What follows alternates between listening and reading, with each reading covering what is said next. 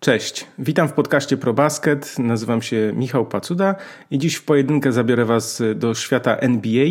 Witam po dłuższej przerwie, ponieważ e, no, nie nagrywaliśmy e, przez ostatnie kilka tygodni. Wszystko dlatego, że Blaszak Studio, w którym nagrywaliśmy do tej pory z Krzyszkiem Sendeckim, został zamknięty, ale otwiera się na nowo w innym miejscu. Dlatego czekamy na na to, aż studio zostanie przygotowane. Może to potrwać kilka tygodni, więc y, proszę o cierpliwość, jeśli chodzi o nasze materiały wideo na żywo. Natomiast no, postaramy się, żeby w tych najbliższych tygodniach ja się postaram, że albo będę nagrywał taki podcast y, w pojedynkę, będę coś próbował ciekawego opowiedzieć, a może uda nam się nawet połączyć z Krzyśkiem któregoś wieczoru i razem sobie nagramy tak, e, no, nie, nie siedząc razem obok siebie, tylko, e, tylko przez internet. Także e, wszelkie słowa o czy może jakieś takie przewidywania o naszym, o naszym końcu są przedwczesne, nie kończymy,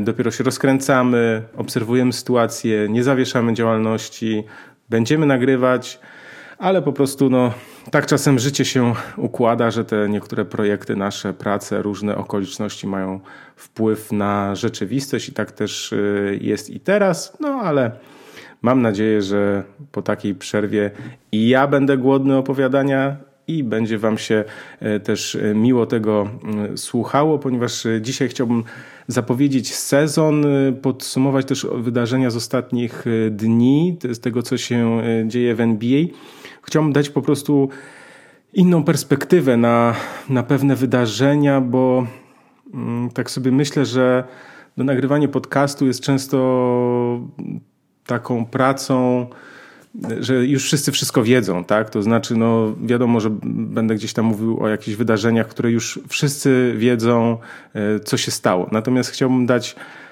troszkę inną perspektywę, gdzieś pozadawać pytania otwarte, które mm, mogą dać Wam troszkę do, do, do myślenia, żeby się zastanowić nad, nad pewnymi e, sytuacjami, bo tak jak ostatnio e, jeden z moich znajomych po przeczytaniu takiego artykułu, jak zostać kibicem NBA, mm, napisał mi, niby człowiek wiedział, ale jednak czytało się z przyjemnością. Dlatego ja mam nadzieję, że ten podcast taki właśnie będzie, że powiecie sobie na jego zakończenie, no niby wszystko było oczywiste, niby wszystko wiedziałem, ale przyjemnie się słuchało i, i gdzieś tam człowiek złapał taką dodatkową, inną perspektywę.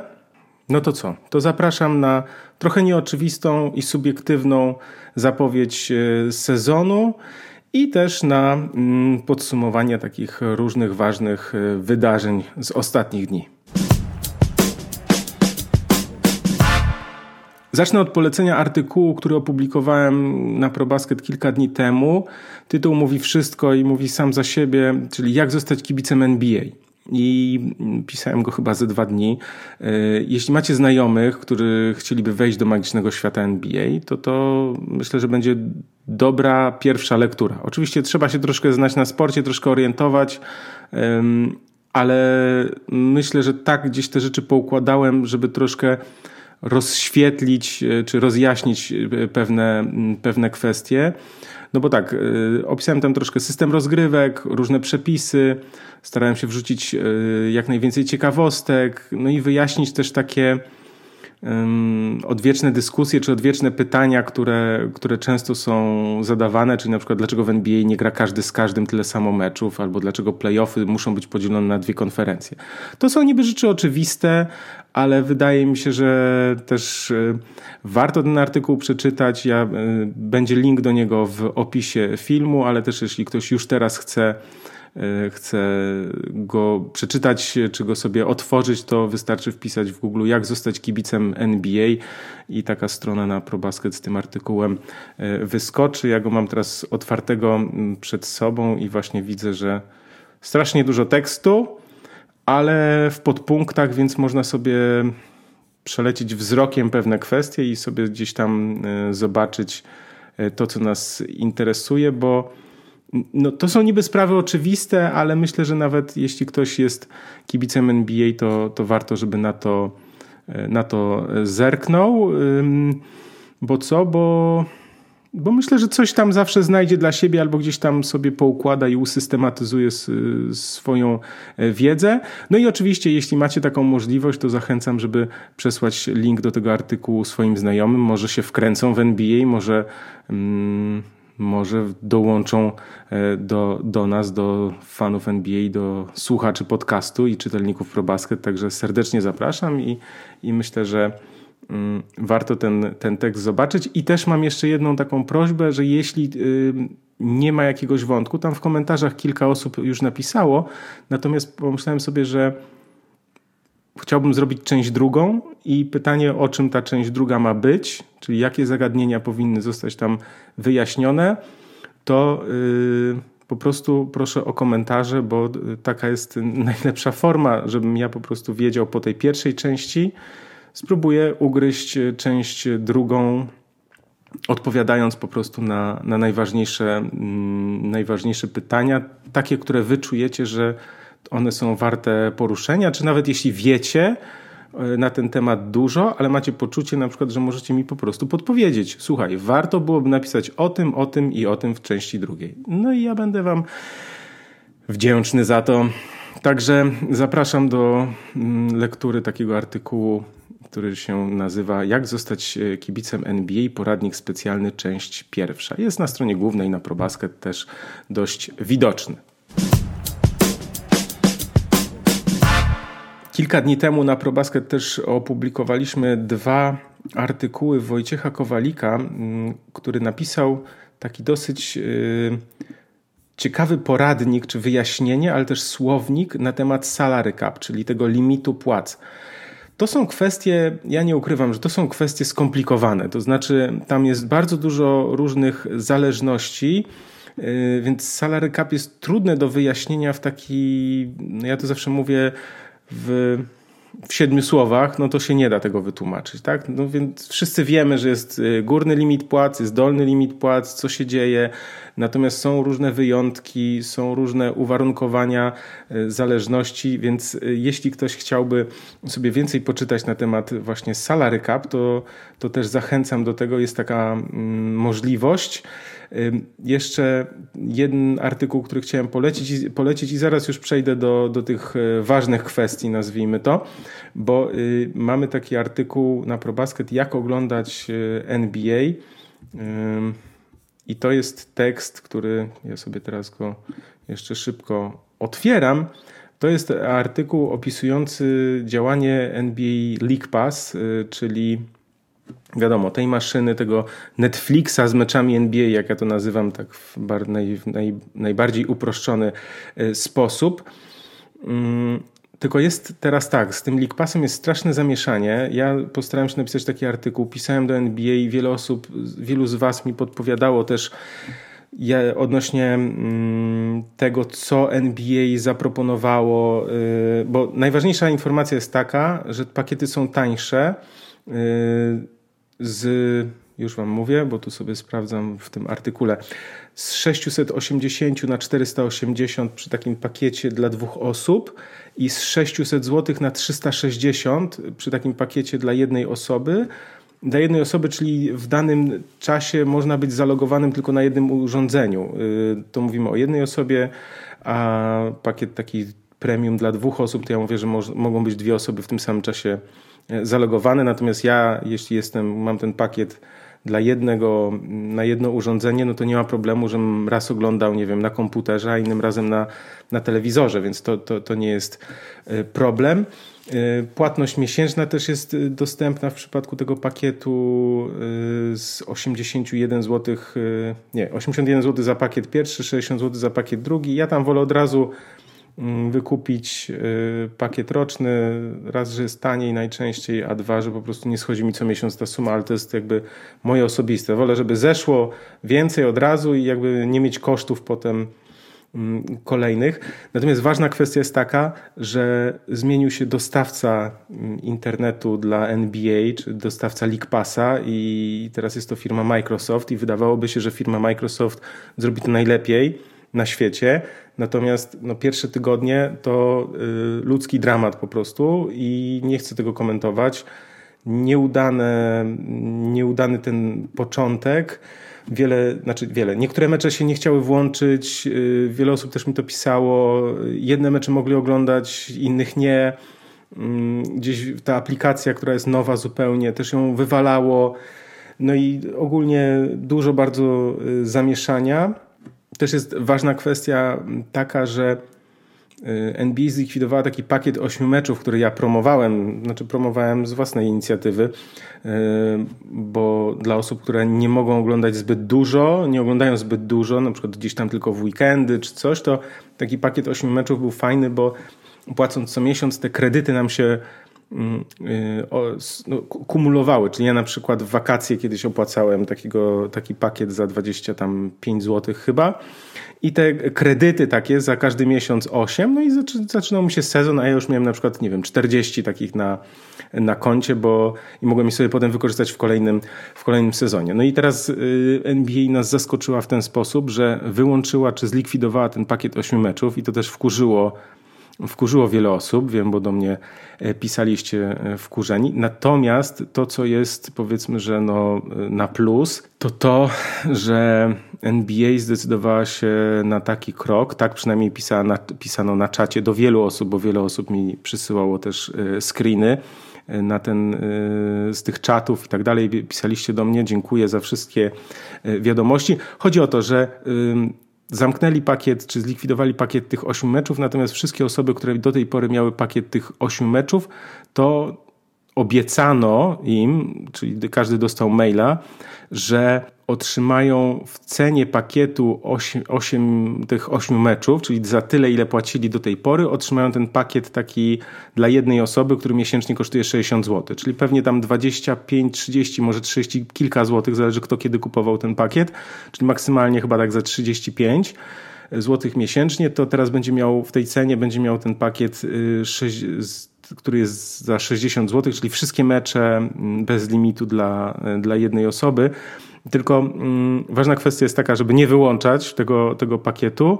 I y, też druga kwestia, y, że inna kwota pokazuje się w aplikacji, co bardzo wiele osób też było zaniepokojonych. Mnie to też wkurzyło, bo też mi wyskakuje, że tam, nie wiem, pobierze mi 60 lej złotych, a, a przecież miałem ten pakiet 8 meczów, no ale NBA twierdzi, że, no, że, że błąd jest w aplikacji, tak? Tych błędów w tej aplikacji jest niestety dużo, no ale co wam mogę powiedzieć? Jestem takim samym użytkownikiem jak wy, zbieram po prostu swoje, swoje obserwacje, swoje doświadczenia na ten temat. Y, korzystam z waszej pomocy, więc trochę jestem takim, nazwijmy to, zbiorem doświadczeń nas, nas wszystkich. Więc mam też nadzieję, że po prostu ten y, LeakPass będzie już działał tak, jak powinien i, i gdzieś tam po tych pierwszych, pierwszych błędach, pierwszych, no nieudanych y, rzeczach, no to to jest jakby, że to się po prostu już gdzieś tam unormuje, nie będzie to problemem, tak? Więc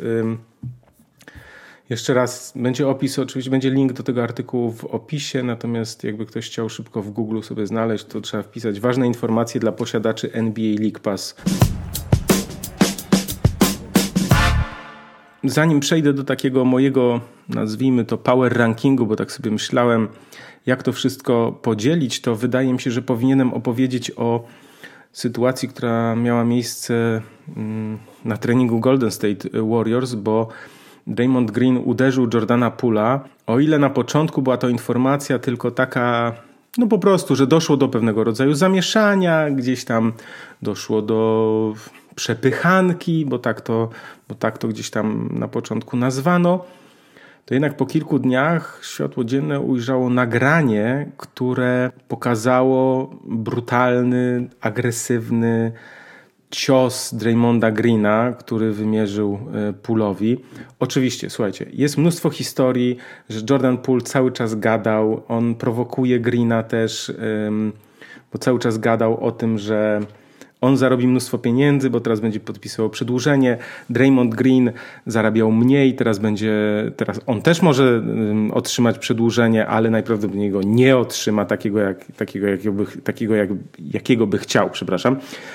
Więc y, Jordan Poole oczywiście mógł go tam gdzieś prowokować słownie, natomiast mi się wydaje, że żadne słowa nie są nie tłumaczą takiego zachowania Greena, bo on podszedł do pula, pól go odepchnął, bo gdzieś naruszył jego, nazwijmy to, granicę czy przestrzeń osobistą, gdzieś go tam odepchnął. Natomiast Green mu wypłacił takiego chleba, że wow, nie? W sensie ściął gościa no nie wiem jak to jeszcze powiedzieć, Wy, wyrwało go z butów, nie wiem, od, zmiotło z planszy, prąd odcięło i tak dalej, i tak dalej. Kto tam ma lepsze takie powiedzonka, to oczywiście może sobie je dodać. Natomiast Golden State Warriors mają problem, bo Draymond Green jest znakomitym zawodnikiem w obronie, gdzieś tym głosem w szatni był przez wiele lat. Natomiast wszyscy są zmęczeni jego zachowaniem. Y, pamiętam takie nagranie sprzed kilku lat, kiedy Steve Kerr, to łatwo odczytać z ruchów warg, że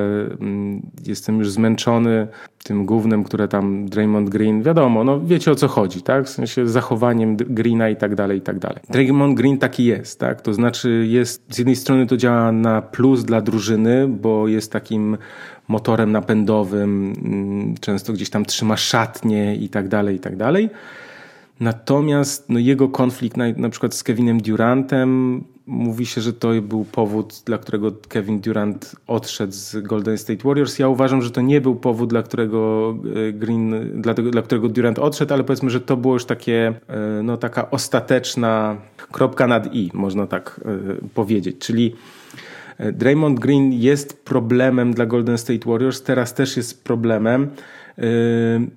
No i też jest kwestia taka, że Golden State Warriors nie do końca wiedzieli, chyba nie do końca dobrze się zachowali i nie do końca chyba zrozumieli, co się dzieje.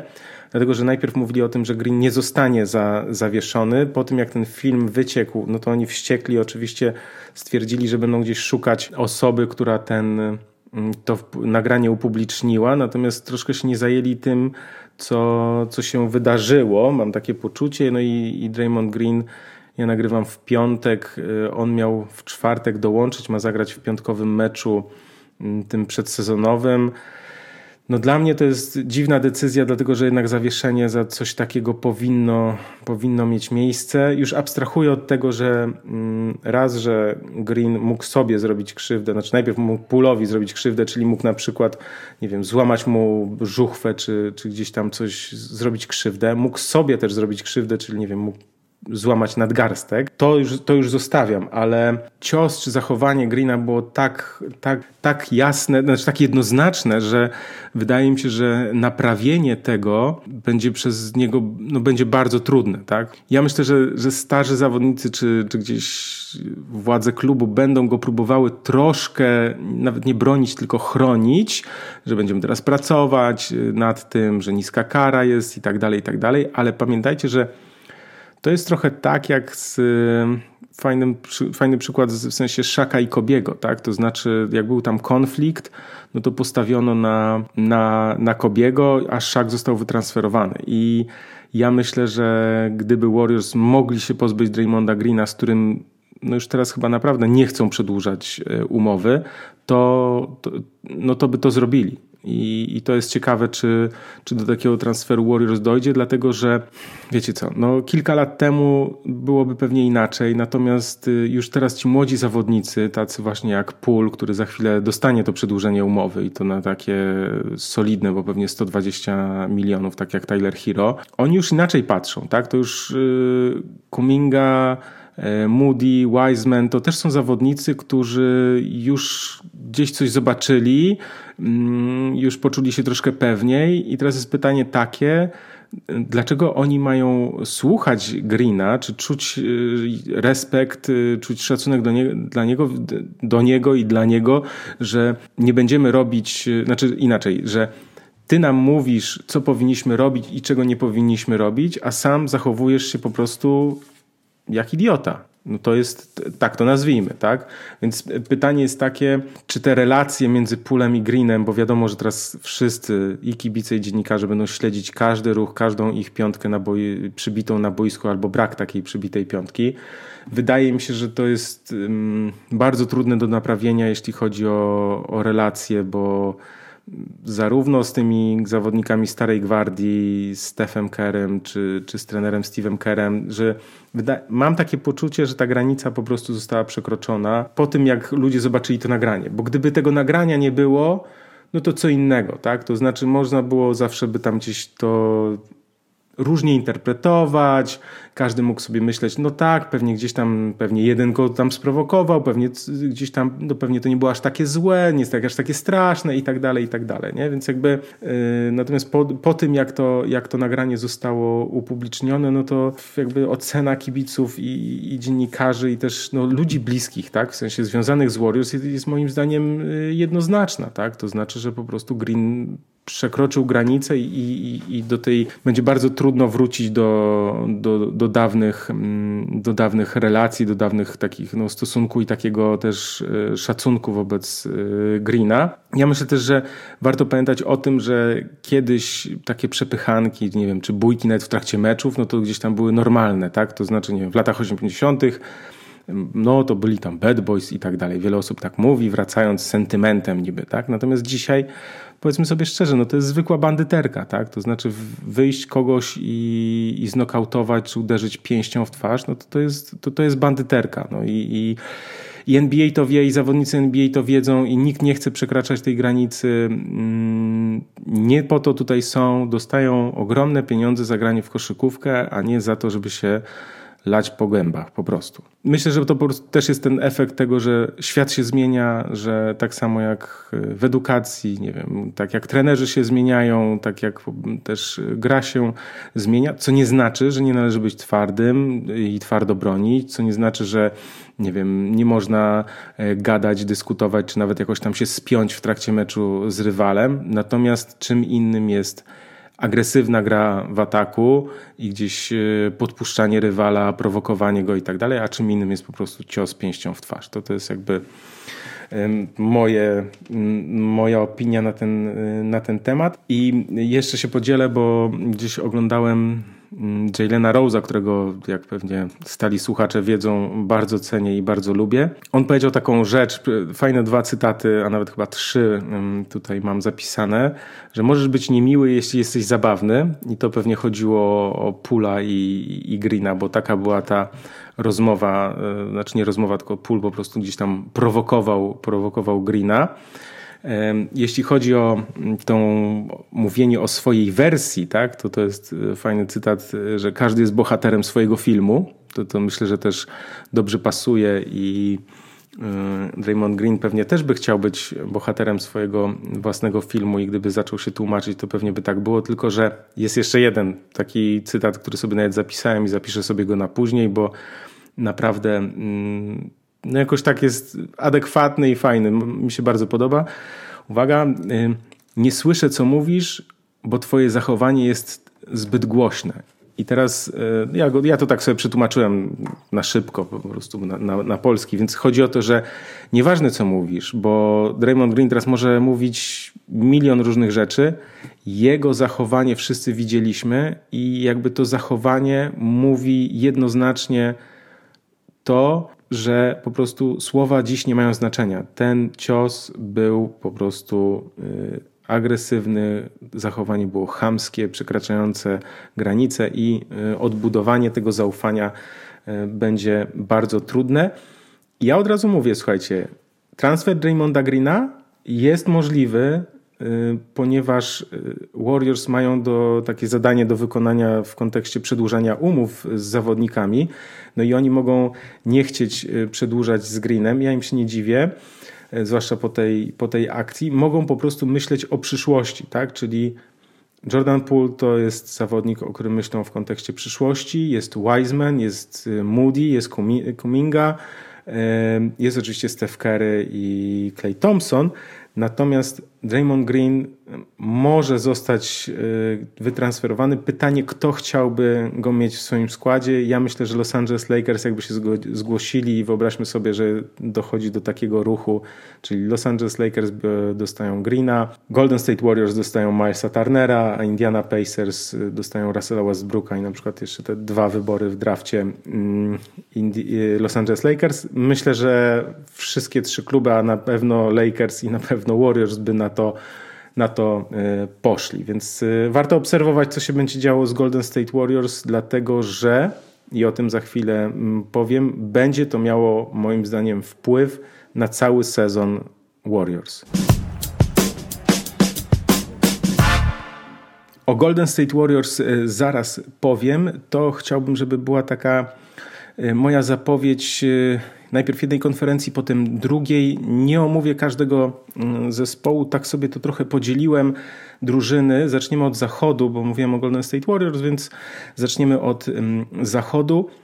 Podzieliłem sobie to w ten sposób na pierwszą trójkę, drugą trójkę oraz zespoły, które będą grały e, w play-inach i tych, którzy w tych play-inach nie zagrają. Tak więc mm, taki sobie trochę gdzieś stworzyłem na brudno power ranking, który i tak zaraz pewnie będzie się gdzieś tam modyfikował i zmieniał. Natomiast moim zdaniem, mówimy o konferencji zachodniej, moim zdaniem najlepszą drużyną w tej chwili na zachodzie, faworytem zachodu są Los Angeles Clippers z racji tego, że mm, no co, mają najdłuższą ławkę z możliwych. Wraca Kawhi Leonard, Paul George jest y, zdrowy, dochodzi John Wall i po prostu ta ławka Los Angeles Clippers jest bardzo długa, znakomici zawodnicy, świetna obrona. Y, te transfery w poprzednim sezonie, czyli wiecie, pozyskanie Normana Powella i Roberta Covingtona, tak, tak, tak. Więc moim zdaniem Los Angeles Clippers są dzisiaj na papierze oczywiście moim faworytem do e, zwycięstwa mm, na zachodzie. Natomiast y, na drugim miejscu są e, Golden State Warriors, ale ja uważam, że Golden State Warriors mają taki problem z, właśnie z, z Draymondem Greenem. To znaczy, że, że ta sytuacja y, Green-Pool będzie miała wpływ na to, jak y, jak ten zespół będzie grał i jak ten zespół będzie w miarę sezonu się nie wiem, rozwijał. Tak? To znaczy, że ta sytuacja może mieć y, wpływ na to, co się będzie działo na boisku i, no i na, na fakt, że no, że może po prostu dojść do, do transferu e, Draymonda Greena. Odnośnie Clippers wiem, że oni mają mnóstwo meczów dzień po dniu, do chyba meczu gwiazd mają, nie wiem, chyba 60 spotkań, z czego mnóstwo e, tych dzień po dniu. Pewnie Kawhi Leonard nie będzie grał w większości spotkań, zwłaszcza w tych e, dzień po dniu. Y, okej, okay, wszystko to zostawiam. Po prostu uważam na dzień dzisiejszy, że sytuacja z Clippers, znaczy z Clippers na, na papierze są yy, najlepsi. Ja na drugim miejscu stawiam Golden State Warriors, aczkolwiek nie jestem pewien. Na trzecim miejscu u mnie są Denver Nuggets, a potem Memphis Grizzlies, ale Denver Nuggets z racji tego, że no bo słuchajcie, doszedł, y, znaczy wraca Jamal Murray, podobno Michael Porter Jr. też. Mm, jest, do, doszedł Bruce Brown i Kentavious Caldwell Pope. Mają Nikolę Jokicza, czyli najlepszego e, zawodnika MVP, który być może będzie znowu MVP. E, więc nic nie stoi na przeszkodzie, żeby Denver Nuggets byli znowu w czołówce, w sensie w pierwszej e, trójce. Czwarte, piąte, szóste miejsce to ja uważam, że są Memphis Grizzlies, Phoenix Suns i Dallas, więc to jest ta, te drużyny, które na dzień dzisiejszy nie zagrają, znaczy nie, nie zagrają, nie spadną w play-inach, mają pewne miejsce w playoffach. Teraz się zastanawiam nad kolejnością. Memphis Grizzlies, dobra, pamiętam, że Jaren Jackson Jr.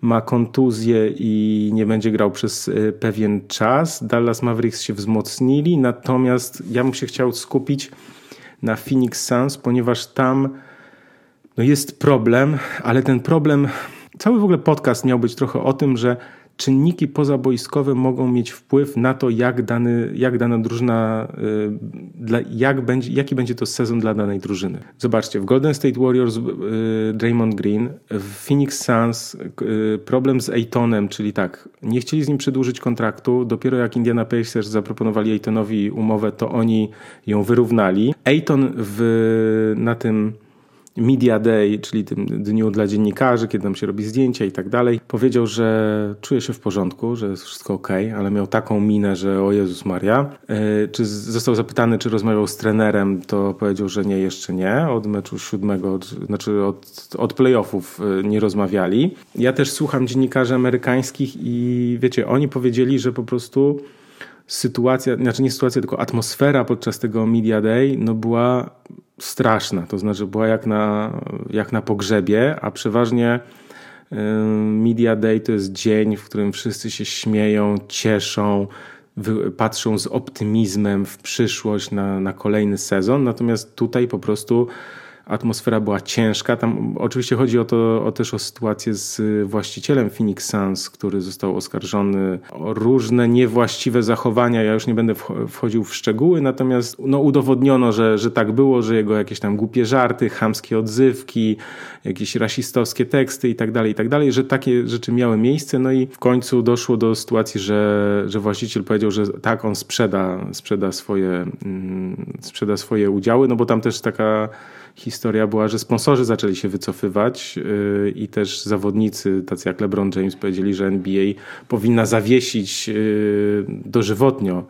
E, właściciela, a nie tylko tam na chwilę, czyli na, na, jeden sezon. No w każdym razie presja jest taka, że, że będzie zmiana właściciela, natomiast to, co się dzieje w zespole ma bardzo duże znaczenie, czyli to, co się dzieje w szatni ma bardzo duże znaczenie na to, co się dzieje na boisku. I ja pamiętam, jak, no bo wielokrotnie też z trenerem Mike'iem Taylorem odbywaliśmy długie e, rozmowy ogólnie o drużynach, o życiu też, ale o drużynach, o budowaniu zespołów, o formie poszczególnych zawodników, o tym, jak pewne rzeczy powinny wyglądać, żeby to wszystko grało. I on zawsze mówił coś takiego, że ponieważ współpracował z Boston Celtics, to tam też dużo miał okazji słuchać y, mądrzejszych od siebie, to właśnie mówił, że że wszystko to, co się dzieje na boisku, zaczyna się w biurze, tak? To znaczy niekoniecznie w biurze w sensie biura i budynku, tylko jakby zaplecza, czyli wszyscy znają swoje miejsce, wszyscy wiedzą, co mają robić, dobra jest atmosfera, jest atmosfera zaufania i wszyscy jakby,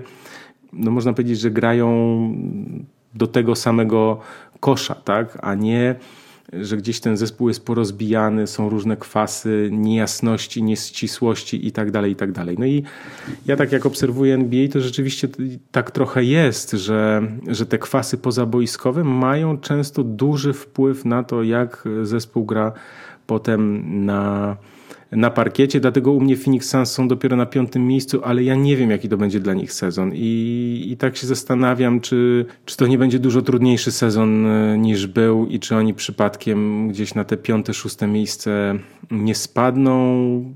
Także ze względu na to, że są zespoły, które po prostu grają niesamowicie dobrze, są pełne energii, e, głodne zwycięstw. Dallas Mavericks dałem na szóstym Trochę ze względu na to, że pamiętam, co, dale, co Luka Doncic robił w y, ostatnich playoffach. Nie to, co robił na Eurobaskecie, ale założyłem sobie, że Dallas Mavericks jednak do tych play-inów, znaczy nie będą musieli grać w play-inach. Siódme i ósme miejsce, mm, słuchajcie, ja dałem Minnesotę i Nowy Orlean. Minnesotę z uwagi na to, że no tam zmiany w składzie, wiemy, Rudy Gobert i Carl Anton Towns będą razem gdzieś tam pod tym koszem grali. Liczę na Antonego Edwardsa, uważam, że to jest przyszłość NBA za, za kilka lat jedna z największych gwiazd całej ligi moim zdaniem. Dałem Pelicans na ósmym, ponieważ no co, zespół, ten zespół grał bez Zajona znakomicie w tej drugiej połowie sezonu poprzedniego. Powrót Zajona, no to jest y, znakomita i, i, świetna perspektywa, natomiast ja się boję jednej rzeczy, no bo widzieliśmy już, że Zajon skręcił kostkę, znaczy ja chciałem powiedzieć podkręcił, ale to on tak stanął, że po prostu no ja też tak kiedyś stanąłem, to potem przez dwa miesiące nie mogłem chodzić, ale Zion jest y, no co, no jest, jest sportowcem, jest atletą, może już te kostki miał gdzieś tam pokręcone, może to tylko tak źle wyglądało, więc może nie jest aż tak źle, zwłaszcza, że oni nawet wpisali go na tę listę kontuzjowanych, to nawet nie wpisali, że, że skręcona kostka, tylko, e, tylko że ból w kostce, czyli że, że taki mniejszy jest ten uraz, tak? No bo już tam wiadomo, że na Twitterze wszyscy i tak dalej pisali, że już tam, no już koniec Sajona i tak dalej. Więc zobaczymy, jak Zion będzie grał e, z Pelicans. Ja uważam, że Pelicans to rzeczywiście może być objawienie. Może być nawet tak, że oni będą jeszcze wyżej. E, jeśli Zion będzie grał, e, to oni mogą być tymi Memphis Grizzlies, którzy też pamiętacie. To jest, to jest ważna kwestia. To znaczy, te playoffy pokazują, playoffy często pokazują siłę zespołu młodego, który na przykład odpada w pierwszej rundzie, tak jak to było miejsce, z, nie tak jak to miało miejsce z Memphis Grizzlies, pamiętamy dwa lata temu, i potem w zeszłym roku oni zakończyli zakończyli sezon na drugim miejscu, tak zespoły Minnesota Timberwolves i New Orleans Pelicans to są drużyny, które równie dobrze mogą być w pierwszym, no nie wiem, na takim trzecim, czwartym miejscu, tak Tak to, tak, tak uważam. Pozostałe dwa zespoły, które zagrają w play-inach, tak naprawdę no, pewniakiem wydaje mi się jeden, czyli Los Angeles Lakers. No bo tam, no co, no co ja mam powiedzieć o Lakers? No słuchajcie, ten zespół jest oczywiście źle zbudowany, źle skonstruowany. Wzięli Schrödera z powrotem. E, wszyscy wiedzą, że Boston Celtics zaczęli wygrywać dopiero kiedy się pozbyli Denisa Schrödera, więc jakby no to jest dodatek do tego. Antony Davis y, twierdzi, że, że wolałby grać na czwórce, ale ma zaufanie do trenera, więc jeśli będzie musiał grać na piątce, to będzie grał na piątce. No, o co chodzi z tą grą na piątce? No, chodzi o to, że no, ma ułatwić zdobywanie punktów LeBronowi, natomiast no, Lakers nie mają strzelców, więc to jest ich e, największy problem. Bo zwróćcie uwagę, wszyscy mają strzelców, to znaczy nawet jeśli jest Kevin Durant i, e, i Kyrie Irving, którzy potrafią rzucać, to oni jeszcze mają wokół siebie Seta Kerego i Joe Harrisa. Nawet w Dallas Mavericks starali się obudować, w sensie pozyskać strzelców wokół Luki Doncicia. Natomiast Lakers no, tych strzelców nie mają, mają Patryka Beverly'ego, ale to jest w moim poczuciu to jest więcej zamieszania i więcej, to się mówi, jest takie powiedzenie w koszykówce, robienie wiatru, to znaczy nie rób wiatru w obronie, czyli że latasz jako opętany, a a i tak nic z tego dobrego nie wynika. Oczywiście Patrick Beverly ma na swoim koncie sporo sukcesów, ale sporo ma też takiego, no takiej udawanej obrony, czy takiego no, gdzieś pompowania tego wszystkiego na wyrost, tak? Więc jakby tu jest, tu jest myślę, że problem. Mam poczucie, że Lakers nie skończyli budowanie y, składu i wydaje mi się, że transfer Westbrooka wciąż wisi w powietrzu i ja trochę nie kupuję tych, y, tej gadki i, tren, i trenera Derwina Hama i, i tego, co Westbrook mówi. Ja po prostu gdzieś obserwuję, widzę, ten body language, czyli ta mowa ciała mówi moim zdaniem wszystko, tak? To znaczy, ja wiem, że te dwie takie sytuacje, które mogliście widzieć z meczów przedsezonowych, e, gdzie tam Westbrook raz no, gdzieś zdejmował dres, kiedy wszyscy byli na środku boiska, a on gdzieś tam z boku mm, przed meczem taka sytuacja, tak? Więc oni, Lakers się zebrali wszyscy razem na, na środku boiska, tam przybijanie piątek, okrzyk i tak dalej, natomiast Westbrook gdzieś z boku ławki rezerwowych zdejmuje dres i idzie, i idzie grać. Natomiast druga taka sytuacja też z meczu, meczowa, gdzieś Patrick Beverly chciał zwołać zespół, y, znaczy zwołać na, na boisku, tak? Także chodźcie, chodźcie, pogadamy, pogadamy. No i, i Westbrook tak jakby tego nie słyszał, gdzieś stał z boku, nie dołączył do, do tego. Tak? I to oczywiście wszyscy zrobili mm, z tego zamieszanie. Y, druga kamera pokazała, że Westbrook chyba najpierw mówił, rozmawiał z, z sędziami, gdzieś tam stał trochę dalej, a potem stanął niby do, do zbiórki. No jak tak się to obejrzy kilka razy, no to ewidentne jest takie, że Westbrook po prostu no, no wypina się na zespół, mówiąc na, najogólniej. Tak? Znaczy on mówi, jego, jego ciało mówi, nieważne co on może mówić, w sensie jakich słów używać, ale jego ciało mówi, pokazuje, że on tu nie chce grać. Po prostu. Ja tak uważam, że że Russell Westbrook no, też troszkę robi jakieś takie małe rzeczy, które mówią, że chce, ja chcę transferu, zróbcie to, tak? W sensie zmuszę was do tego, żeby, żeby, żebyście mnie wytransferowali w końcu gdzieś. No a Lakers są trochę pod ścianą, bo gdzieś tam wciąż szukają gdzieś tam jakiejś tej opcji na to, ale nie mogą znaleźć odpowiedniej i tak dalej, i tak dalej. No ja myślę, że 38-letni LeBron i Davis, który gdzieś jest podatny na kontuzję z takim składem brak, brakiem strzelców, yy, no to to jest zespół, który gdzieś będzie no, poza szóstką na zachodzie, bo, bo będzie bardzo trudno tę intensywność utrzymać. Spodziewam się po prostu powtórki z poprzedniego sezonu raczej. No chyba, że będzie dojdzie do jakiegoś super transferu, ale też słuchajcie, już trochę jakby ten poprzedni sezon nam pokazał, jak to wszystko mm, w Lakers wygląda, więc myślę, że no, optymizmu bym tutaj wstrzymał się z e, optymizmem, mówiąc najogólniej. Potem w tabeli no jest aż e, sześć drużyn w zasadzie, no bo nie wiem kto jeszcze, jedna z tych, jeden z tych zespołów zagra w play-inach teoretycznie, bo to jest Portland, Sacramento, Houston, Oklahoma, San Antonio i Utah. Wiadomo, że Utah i San Antonio są w totalnej przebudowie. Mm, Oklahoma raczej też i Houston też. Natomiast no, Sacramento chciałoby w końcu awansować do, do playoffów, bo wiemy, że nie zrobili tego od bardzo, bardzo, bardzo dawna. Pytanie jest odnośnie Portland, ponieważ um, Portland Trade Blazers no niby dokonali kilku wzmocnień, ale nie mają drugiej gwiazdy. Damian Lillard wraca po kontuzji, po operacji. Na razie te mecze przedsezonowe w jego wykonaniu są słabe, to znaczy bardzo słaba jest jego skuteczność. I teraz jest pytanie takie, ponieważ wszyscy wiemy, wszyscy wy już wiecie, jest taki człowiek jak Wiktor Wembaniama, Francuz, który ma tam 220 cm wzrostu i jest po prostu zajebisty. Jest znakomity, jest rewelacyjny, jest najlepszym zawodnikiem, a nawet może lepszym od, y, jako ten prospekt tak zwany, czyli gracz perspektywiczny w drafcie. Od czasów Lebrona, od czasu Lebrona Jamesa nie było, nie było takiego, mm, takiego zawodnika. Nawet padło takie stwierdzenie przez wielu analityków, że gdyby postawić obok siebie Lebrona z draftu i, i Wembeniamę, to Wembeniama byłby pierwszy.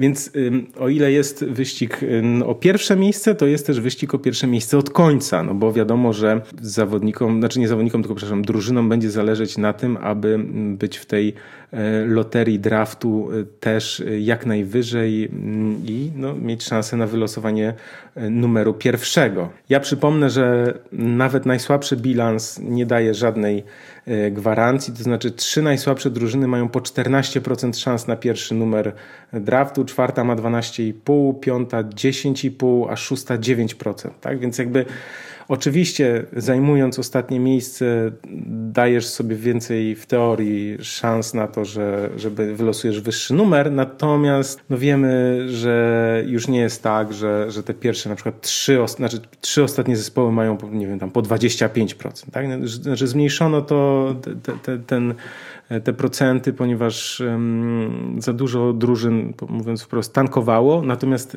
tego przyszłoroczny draft będzie tak mocny podobno, że warto, jak to się mówi, tankować nie tylko po pierwsze miejsce, ale również o drugie, trzecie i czwarte. Taka jest, tak się mówi, za oceanem. I tych drużyn, które będą chciały stanąć w wyścigu po Wiktora Łębaniamę będzie dużo.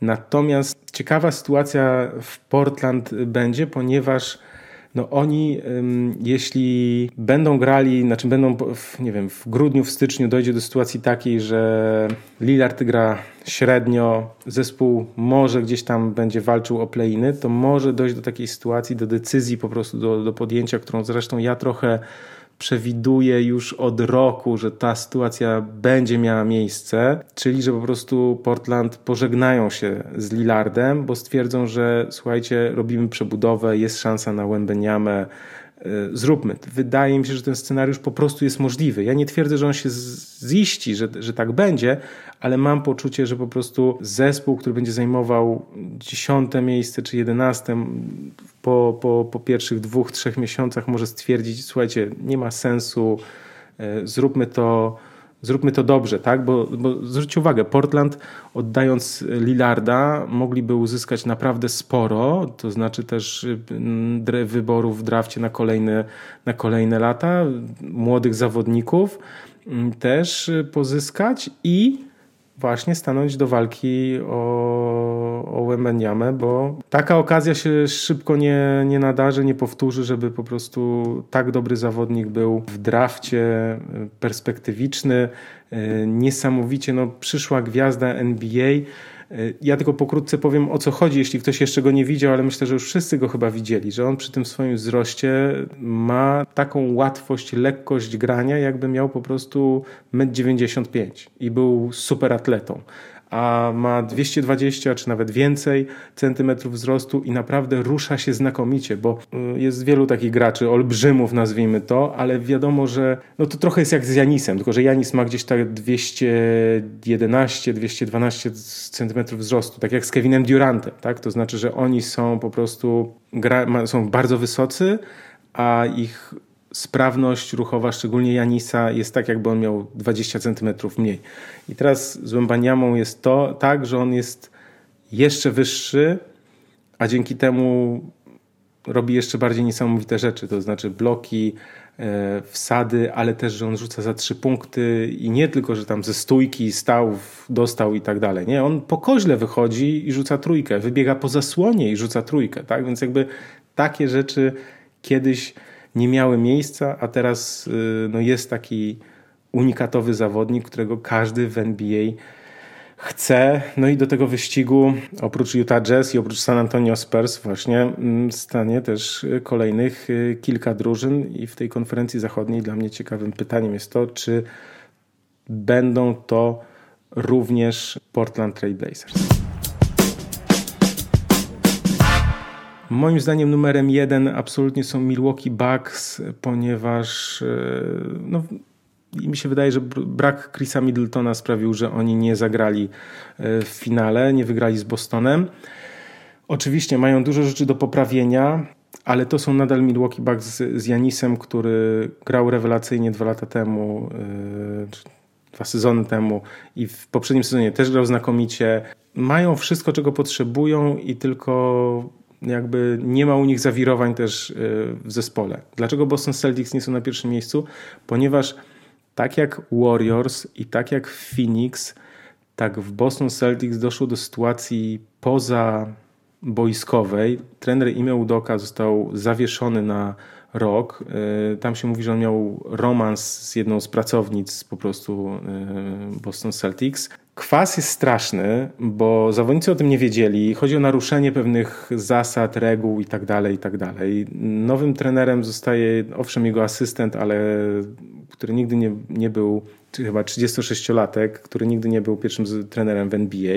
Oczywiście, Boston ma znakomity skład i gdyby ktoś mi powiedział jeszcze parę tygodni temu, w sensie przed, przed tym jak to wyszło na jaw, no to Boston Celtics byli na pierwszym miejscu, dlatego że oni pozyskali Malcolma Brogdona i wydawało się, że no, że zachowali ten trzon składu, więc jakby z Malcolmem Brogdonem tak, Boston Celtics są faworytami. Natomiast dzisiaj brak trenera i ten kwas w zespole może mieć wpływ na to, że, że ten zespół w takim jakimś kluczowym, ważnym momencie, tak, na przykład w playoffach, gdzieś to nie zapali. Są tacy, którzy w ogóle uważają, że Celtics przez brak trenera nie awansują nawet y, w pierwszej do drugiej rundy, no ale to już bym, to już bym zostawił, to już bym nie szedł aż tak daleko, ale to, co chciałem powiedzieć, chodziło mi o tą perspektywę, o tym, co zapowiadałem na początku, właśnie, żeby zobaczyć nie tylko boisko, nie tylko procenty, nie tylko to, co przynosi efekt w postaci, co daje zwycięstwa poprzez grę na boisku, ale też właśnie te tę kwestię tych y, spraw pozabojskowych, to znaczy tego, co się dzieje y, w drużynie czy z drużyną, kiedy ona, kiedy dochodzi do pewnego zawirowania w środku. Tutaj uczulam na to, żeby to też patrzeć, obserwować, bo my nie jesteśmy tam, trudno nam to pewne rzeczy zobaczyć, polscy dziennikarze czy pasjonaci, kibice też nie widzimy tego wszystkiego, co się dzieje poza boiskiem i myślę, że też sporo na tym tracimy takiego oglądu, nazwijmy to realistycznego na, na sytuację w danym klubie. Więc moja pierwsza dwójka to jest Bucks y, i Celtics i słuchajcie, ja w pierwszej trójce, bo tak jak powiedziałem sobie, że to podzieliłem pierwszą trójkę, potem drugą trójkę, która będzie miała pewny awans do playoffów, potem na play-iny i potem tych, którzy nie grają w play-inach. Więc moim trzecim, trzecią drużyną nie w walce o mistrzostwo na wschodzie, ale o to, żeby mieć trzecie miejsce na koniec sezonu zasadniczego, to są Philadelphia 76ers y, z racji tego, że po prostu mają Embida, mają Tyrisa Maxi i mają Jamesa Hardena, który w końcu podobno jest w formie. Podobno. Y, zobaczymy, jak to y, będzie. Troszkę mnie rozbawiło taki tekst Hardena, który ostatnio powiedział, że no bo dał zniżkę Sixers, tak? No bo nie podpisał maksymalnego kontraktu, teore, znaczy teoretycznie dał zniżkę, tak? E, podpisał kontrakt 14 milionów e, mniejszy za sezon.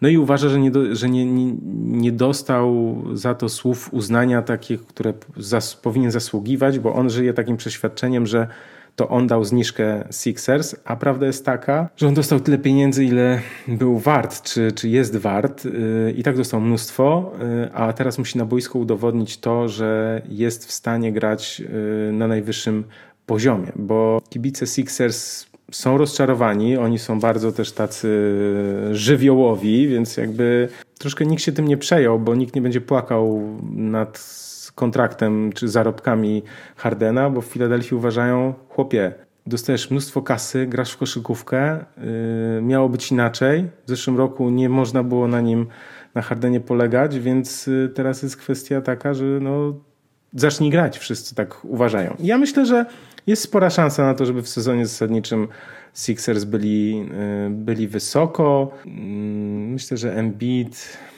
i, i Tyrese Maxi, tak? bo Maxi będzie się wciąż rozwijał. Wiemy, że to jest zawodnik, który się rozwinął bardzo dobrze, e, więc jakby myślę, że no ta, ta, ta, ta kwestia, ta szansa na te trzecie miejsce na, na wschodzie jest. E, drużyny, które ja dałem 4-5-6, takiej nazwijmy to różnej kolejności, ja dałem tak, Cleveland, Brooklyn i Miami, ponieważ e, uważam, że Cleveland z tym nowym składem, aha, tu przy okazji już sobie otwieram, żeby też Wam polecić, bo taki napisałem tekst, to było jeszcze pod koniec września, e, więc jeśli ktoś jest fanem Cleveland Cavaliers i mu to umknęło, to zachęcam, bo taki napisałem tekst, czy Cleveland Cavaliers będą rewelacją sezonu i powalczą o mistrzostwo. I to jest długi wywód, artykuł taki właśnie o tym, jak to Donovan Mitchell ma sprawić, że Jared Allen i Evan Mobley będą jeszcze lepsi i Darius Garland będzie jeszcze lepszy i Donovan Mitchell będzie jeszcze lepszy i tak dalej, i tak dalej. Więc może ja o Cleveland już y, nie będę mówił, bo już o nich strasznie dużo napisałem, więc y, w razie czego tam odsyłam. Brooklyn Nets, słuchajcie, z Brooklyn Nets jest, wiemy jak jest, bo tam zamieszanie i kwas, tak jak odnośnie Bostonu, Golden State i Phoenix, to tam nie wiem czy nie największy, bo Kevin Durant chciał zwalniać i generalnego menedżera, i trenera, i żądał transferu i tak dalej, i tak dalej. Teraz oczywiście nie ma mowy o niczym takim, gramy, chcemy wygrywać, cieszmy się z wygrywania w ogóle i tak dalej, i tak dalej. Fajnie, ale zobaczymy, jak to wyjdzie na boisku, bo, no bo różne rzeczy mogą wyjść. Tak? 82 mecze ma sezon. Dajmy tym zawodnikom zagrać razem. Oczywiście ważne jest to, że mm, Kevin Durant chce grać i gra, Kyrie Irving też, że Ben Simmons zadebiutował w tych meczach przedsezonowych i tam całkiem nieźle sobie radził, oczywiście. Natomiast Ben Simmons potrzebuje strzelców. Problem, problem Nets jest taki, że oczywiście jest Durant i Irving, ale Seth Curry y, chyba jest 5 miesięcy po operacji kostki i jeszcze nie gra 5 na 5, no a wiemy, że Joe Harris miał y, dwie operacje stawu skokowego, więc y, obecność, czyli gra Kerego i Harrisa jest bardzo ważna do tego, jak jak ten zespół będzie grał.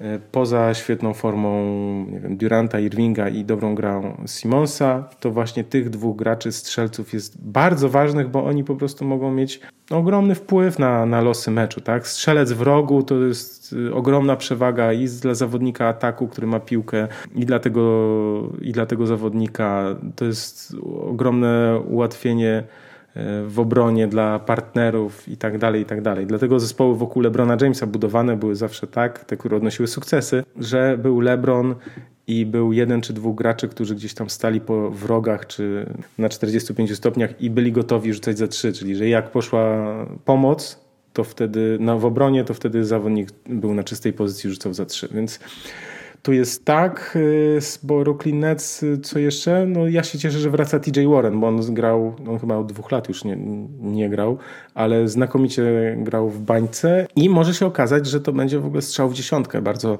e, przydatny gracz.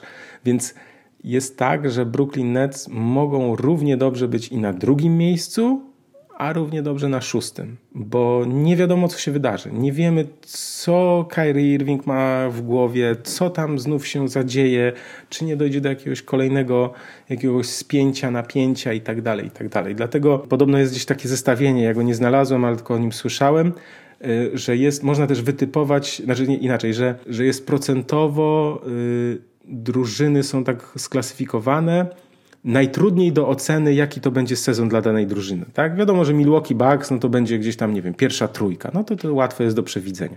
Natomiast największy problem podobno z, z oszacowaniem tego, jaki to będzie sezon, jest przy Brooklyn Nets. To znaczy, oni zarówno mogą być na pierwszym czy drugim, ale jak i na siódmym i ósmym, bo różne rzeczy, bo jeszcze do tego dochodzą możliwe kontuzje i tak dalej, i tak dalej. Więc tyle tutaj o Brooklyn Nets. Jeszcze w tej szóstce mam Miami. Nie będę mówił o Miami zbyt wiele. Jimmy Butler, ok. Przedłużenie z Tylerem Hero, Kyle, Kyle Lowry, który już gdzieś tam kończy karierę, odejście PJ Tuckera. Myślę, że to Miami może być nawet poza tą szóstką, że jeden z zespołów Atlanta albo Toronto do tej, do tej szóstki mogą wejść w miejscu, w miejscu Miami. To tak na dziś taką, taką myśl. Atlantę i Toronto warto oczywiście obserwować. To są moje kolejne zespoły w, w tym zestawieniu. W Toronto dużo fajnych, ciekawych rzeczy może się dziać. Tam Scotty Barnes, ale nie tylko on.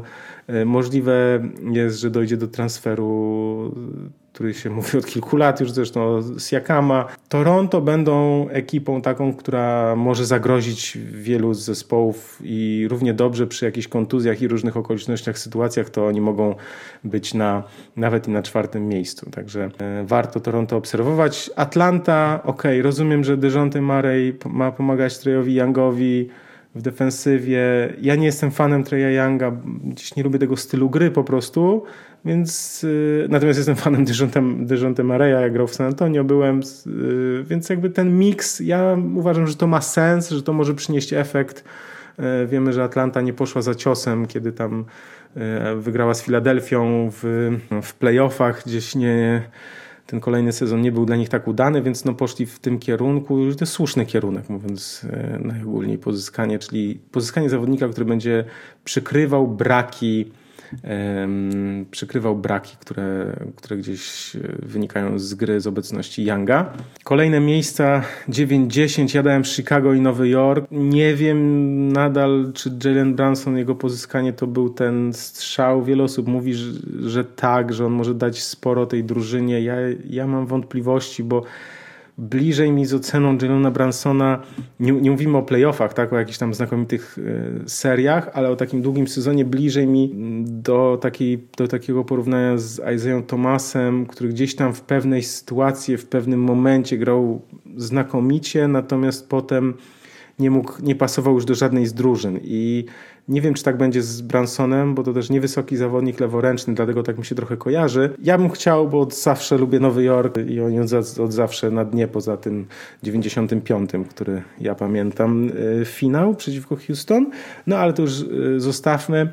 Chicago Bulls, y, zespół, który może w trakcie sezonu stwierdzić to samo co Portland. I to jest pewnie informacja, która może kilka osób zaskoczyć, ale Moim zdaniem y, Chicago Bulls mogą być tą drużyną, która zaliczy spory spadek i też w trakcie sezonu, gdzieś tam pod koniec grudnia, w styczniu stwierdzi, wiecie co, to chyba nadal, to chyba dalej nie ma sensu, lepiej, lepiej spróbować zatankować, bo nie wiadomo co się dzieje z Lonzo Bolem, znaczy z jego kolanem, nie mają rozgrywającego, silna bardzo ta konferencja wschodnia teraz się zrobiła, w sensie, bo i Toronto, i Atlanta, i Miami, i Cleveland gdzieś tam są wyżej niż byli wcześniej, dlatego Chicago mogą mieć problem, no i po prostu mogą stwierdzić, że, że może lepiej gdzieś tam wejść w ten tryb przebudowy, niekoniecznie, bo też ja nie jestem pewien, czy oni przypadkiem nie mają tak, że oni nie mogą być gdzieś w tej pierwszej chyba, znaczy mogą, ale wtedy muszą oddać Orlando swój wybór,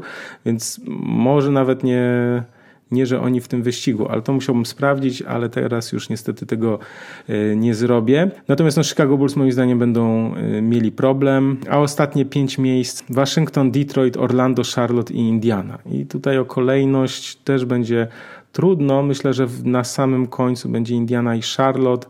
Charlotte ze względu na to, że no znów nie, nie, się nie wzmocnili. Lamelo Ball jest zawodnikiem, który się na razie nadaje do highlightsów, a bardziej nie do wygrywania. No więc tak, no trudna sprawa, trudny czas dla Charlotte jak zawsze. Indiana w czasie przebudowy, wiadomo, że też tam warto obserwować Indianę ze względu na to, że Tyrese Halliburton to jest zawodnik, którego naprawdę miło się ogląda, ale oni są w przebudowie takiej, przynajmniej w koncepcji i myślę, że i Buddy Hield i Miles Turner zostaną w trakcie sezonu oddani. Jeśli chodzi o Orlando Magic, ja jestem ogromnym fanem Franza Wagnera. Bardzo mi się ten gracz podobał. Już w zeszłym roku o nim mówiłem. Na Eurobaskecie też dużo pokazał. Więc to Orlando jest, jak się mówi, fun to watch, dlatego że tam jeszcze Jalen Sachs, czy teraz dochodzi y, Bankeros, debiutant, więc no fajnie będzie się ich e, oglądać. Natomiast y, no to też nie jest zespół, który w tej chwili będzie odnosił zwycięstwa. Ciekawi mnie jeszcze Detroit Pistons. Pytanie jest takie, no bo oni pozyskali i Bojana Bogdanowicza, i też Alexa Bergsa, Kemba Walkera, ok, czy to jest ten zespół, który gdzieś tam ma się piąć w górę, Kate Cunningham ma być przygotowywany na to, żeby być liderem tej drużyny. Nie wiem, nie jestem pewien, nie jestem do końca e, przekonany, czy to już, ale no gdzieś tam mają ten swój trzon, który sobie gdzieś tam budują. Dużo tego e, nagrywania było, dużo tego słowotoku i, i gadania z mojej strony.